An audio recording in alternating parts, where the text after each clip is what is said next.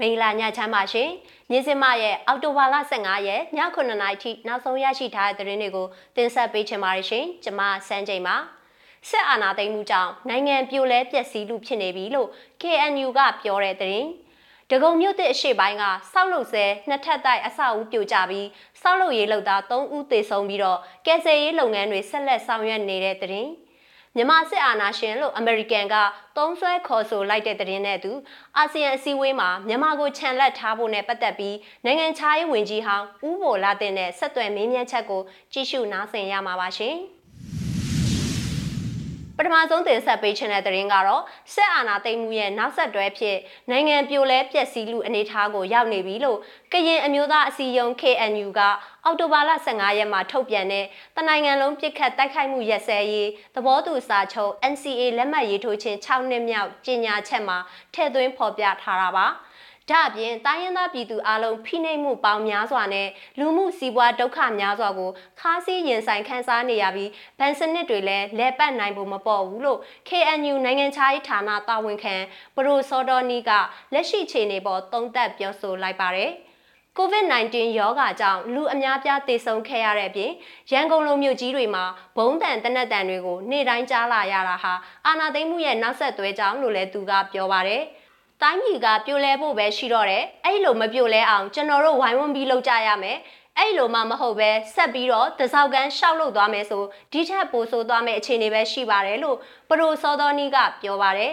KNU ရဲ့ထုတ်ပြန်ချက်ထဲမှာ February 1ရက်အာဏာသိမ်းမှုဟာ NCA အခြေခံမူအားလုံးပေါ်ချိုးဖောက်ဖျက်ဆီးမှုဖြစ်စေတယ်လို့ပြောဆိုခဲ့ပြီးအကောင့်ထဲပေါ်မှုလုပ်ငန်းစဉ်တွေကိုလည်းရပ်တန့်စေတယ်လို့ပြောပါတယ်။ တမတော်ရဲ့အာဏာသိမ်းမှုကြောင့်နိုင်ငံရေးပြဿနာကိုအင်အားသုံးအပြေရှာတဲ့စနစ်ကိုပြန်လည်ရောက်ရှိသွားစေတယ်လို့လည်း KNU ကဝေဖန်ထားပါတယ်။ဒါကြောင့်စိုးဝါနေတဲ့နိုင်ငံရေးအခြေအနေကနေကဲတင်နိုင်ဖို့ဆိုပြီးတော့ KNU ကနေတက်ဆိုင်သူအားလုံးကိုအချက်6ချက်နဲ့တောင်းဆိုတိုက်တွန်းလိုက်ပါတယ်။ အဲ့ဒီအချက်တွေထဲမှာအာနာသိမ့်ပြီးနောက်ပိုင်းဖမ်းဆီးခံထားရသူအလုံးကိုချွင်းချက်မရှိအမြန်လွတ်ပေးဖို့နဲ့နိုင်ငံတော်ဝန်ဖြန့်ကျက်ထားတဲ့တပ်ဖွဲ့ဝင်တွေကိုပြန်လည်ရုပ်သိမ်းပြီးတော့တနိုင်ငံလုံးအပြစ်ရက်ကြောင်းကြေညာဖို့နဲ့အဲ့ဒီအချက်တွေကိုအကောင့်ထဲပေါ်ဖို့ကြေညာချက်မှာထည့်သွင်းဖော်ပြထားပါတယ်။ ဒါအပြင်တမတော်ရဲ့ဂုံတိတ်ခါကြဆင်းမှုကိုကဲတင်တဲ့အနေနဲ့ Federal Democracy နိုင်ငံတော်ထူထောင်ရေးကတိပြုမှုကိုတရဝင်ကြေညာထုတ်ပြန်ဖို့နဲ့နိုင်ငံရေးမှာပါဝင်နေတာကို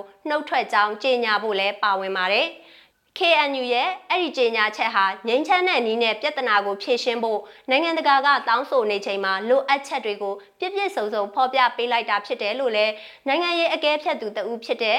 ဦးတန်းစိုးနိုင်ကပြောပါတယ်။ ဒီတောင်းဆိုချက်တွေကိုကုလရောအာဆီယံကိုယ်စားလှယ်ကရောတောင်းဆိုပေမဲ့စစ်ကောင်စီအနေနဲ့လိုက်ရောနိုင်တဲ့အခြေအနေမရှိပါဘူး။ဒါကတော့ဒီနေ့ဖြစ်နေတဲ့ကိစ္စတွေရဲ့တရခန့်ဟာစစ်ကောင်စီဖြစ်တဲ့ဆိုတာကိုညွှန်ပြနိုင်ဖို့အတွက်လမ်းကြောင်းပေးလိုက်တဲ့ကြေညာချက်ဖြစ်တဲ့အတွက်ကြိုးဆိုကြောင်းပြောချင်ပါတယ်လို့သူကဆိုပါတယ်။ စစ်အာဏာပြုအုပ်ချုပ်ရေးဆုံးသက်ဖို့နဲ့နိုင်ငံတကာကစစ်ဆက်ပေးတာကိုလက်ခံဖို့အပြင်ဗက်ပေါင်းစုံကနေအဓိကကျတဲ့ကိုစားပြုမှုပါဝင်တဲ့ညီညွတ်ရေးအစိုးရတရက်ဖွဲ့စည်းပြီးနှစ်80ကျော်ကြာမြင့်ခဲ့တဲ့ပြည်တွင်းနိုင်ငံရေးပဋိပက္ခနဲ့ပြည်ထနာအရေးမြစ်ကိုညှိနှိုင်းဖြေရှင်းရေးသဘောတူဖို့ကိုလည်း KNU ကနေထုတ်ပြန်တောင်းဆိုထားပါတယ်ရှင်။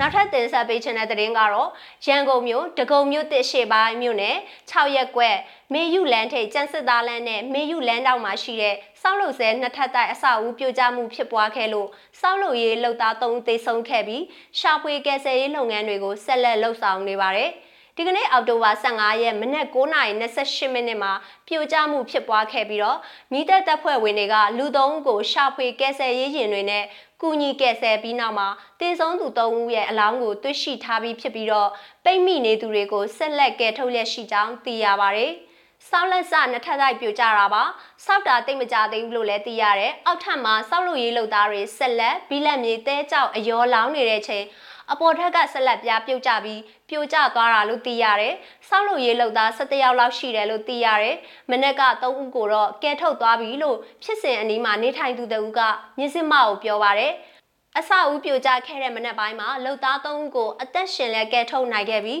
နေ့လယ်တနာရီခန့်အချိန်မှာတော့စောက်လို့ရေးလှုပ်သား3ဦးရဲ့အလောင်းကိုတွေ့ရှိခဲ့ပြီးဖြစ်ကြောင်းသူကဆိုပါတယ်။ ပိတ်မိနေသူတွေကြန့်ရှိမရှိနဲ့ဆက်လက်ကဲထုတ်နိုင်ဖို့မိသက်တပ်ဖွဲ့တွေနဲ့ပြည်သူတွေပူးပေါင်းပြီးစ조사လှုပ်ဆောင်နေကြောင်းသိရပါဗျ။တယောက်ကတော့စကားပြောနိုင်ဆိုနိုင်ပါတယ်။ကျန်တဲ့နှစ်ယောက်ကအခြေအနေသိပ်မကောင်းပါဘူး။အလောင်းသုံးလောင်းကိုလည်းတွေ့ထားပါတယ်။ပိတ်မိနေတဲ့သူတွေကြန့်ရှိမရှိကိုသိရဖို့လက်တလုံးမှာဘက်ခိုမြေသူဆက်အသေးသစီနဲ့တူးထုတ်ဖို့ပြင်ဆင်နေတယ်လို့မြင့်မိုလူမှုကယ်ဆယ်ရေးအသင်းကတာဝန်ရှိသူတအုပ်ကပြောပါတယ်။ အဆောက်အဦပြိုကျရတဲ့အကြောင်းရင်းကိုလက်ရှိချိန်ထိမသိရှိရသေးပဲစုံစမ်းစစ်ဆေးမှုတွေလှုပ်ဆောင်နေဆဲဖြစ်တယ်လို့သိရပါတယ်ရှင်။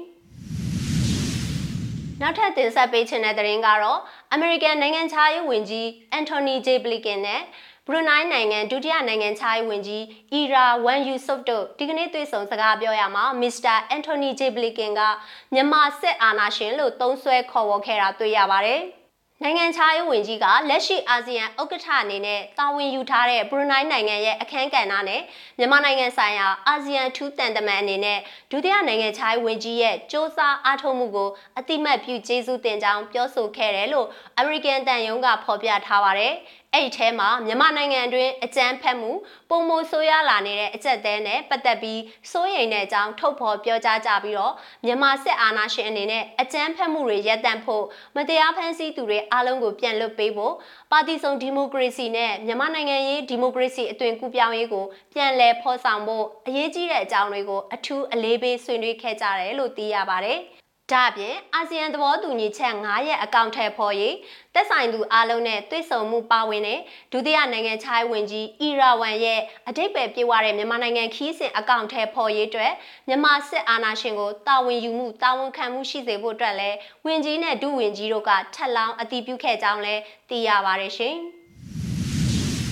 ဒီကနေ့ပြုလုပ်မဲ့အာဆီယံထိပ်သီးဆွေးနွေးပွဲမှာမြန်မာနိုင်ငံကိုခြံလက်ထားရင်းနဲ့ပတ်သက်ပြီးအာဆီယံအဖွဲ့နိုင်ငံခြားရေးဝန်ကြီးတွေဆွေးနွေးကြမယ်ဆိုတဲ့အခြေအနေထိဖြစ်လာခဲ့ပြီးတော့ဒီအခြေအနေကနေထပ်ပြီးဘာတွေဆက်ဖြစ်လာနိုင်အောင်မလဲ1988မြန်မာဒီမိုကရေစီအရေးတော်ပုံမှာစစ်တပ်ရဲ့တုံ့ပြန်မှုတွေကြောင့်အနောက်နိုင်ငံတွေကမြန်မာနိုင်ငံကိုဝိုင်းကျဉ်နေချိန်နိုင်ငံတကာမှာလူရမဝင်တဲ့အခြေအနေဖြစ်ခဲ့ရတဲ့မြန်မာနိုင်ငံဟာအခုတခါမှလည်းလူရမဝင်တော့တဲ့အခြေအနေမျိုးထပ်ဖြစ်လာနိုင်မလားဆိုတာတွေကို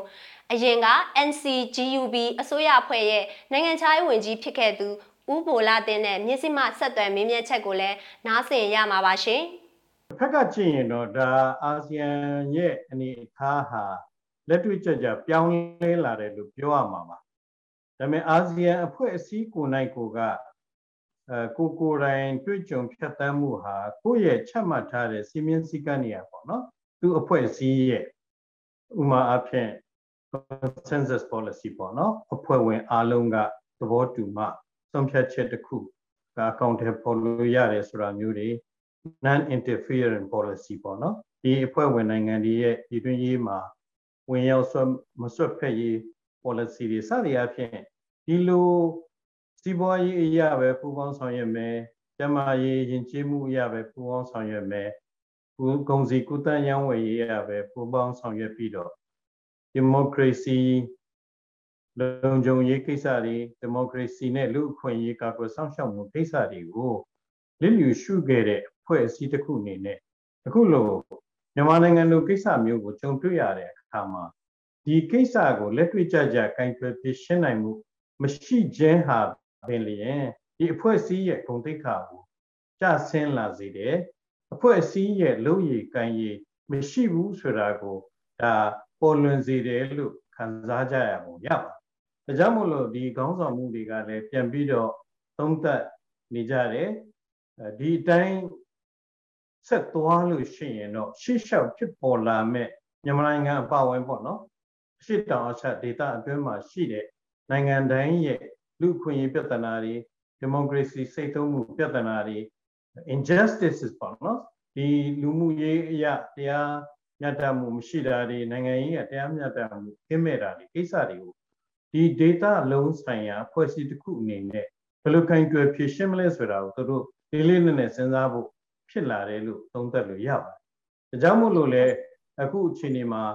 အာ မြန်မာနိုင်ငံစစ်ကောင်းဆောင်တွေစစ်ကောင်စီကောင်းဆောင်ကိုဒီစီဝေးမှာမဖိတ်ဘူးလာမဲ့ထိပ်သီးစီဝေးဘက်မှာမဖိတ်ဖဲနဲ့ခြံလက်ထားမယ်လို့စဉ်းစားချက်ဟာတော့ဖြင့်ဒါပထမဦးဆုံးသတိပေးတဲ့အဲ sign ပေါ့လေဖြစ်နိုင်ပါသို့တော်လည်းပဲဟိုကျွန်တော်တို့ပြောချင်တာကတော့ဒီအာဆီယံအနေနဲ့စဉ်းစားတဲ့အခါမှာပေါ့နော် ဒီသတိပေးနေုံနဲ့မရပါဘူးတကယ်အရှိတောင်အာရှနိုင်ငံတွေတွင်းမှာဖြစ်နေတဲ့ဒီမိုကရေစီစိတ်သုံးမှုနဲ့လူအခွင့်အရေးစိုးစိုးဝါးဝါချိုးဖောက်မှုပြဿနာတွေကိုတကယ်အာဆီယံအနေနဲ့ယူရမှာက action ဖြစ်ပါတယ်တကယ်ထိရောက်တဲ့အရေးယူဆောင်ရွက်မှုတွေလုပ်ရမှာဖြစ်တယ်ဒါတွေကိုပြစ်တင်ရှုံချနေုံနဲ့လုပ်တဲ့လူတွေကိုပြစ်ပယ်နေုံနဲ့ဒီကိစ္စတွေပြီးသွားမှာမဟုတ်ပါဘူးဒါကြောင့်မို့လို့ ဒီအာဆီယံပြည်သူတွေလိုအပ်တာကတိုင်းပြည်တွေလိုအပ်တာက action တွေဖြစ်တယ်နောက်ထပ်ကျွန်တော်ပြစ်တင်ဝေဖန်ပြီးတော့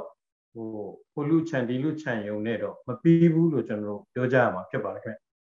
ဟုတ်ကဲ့ဟုတ်ကဲ့ဆရာအဲ့လိုဆိုတော့လေဒီ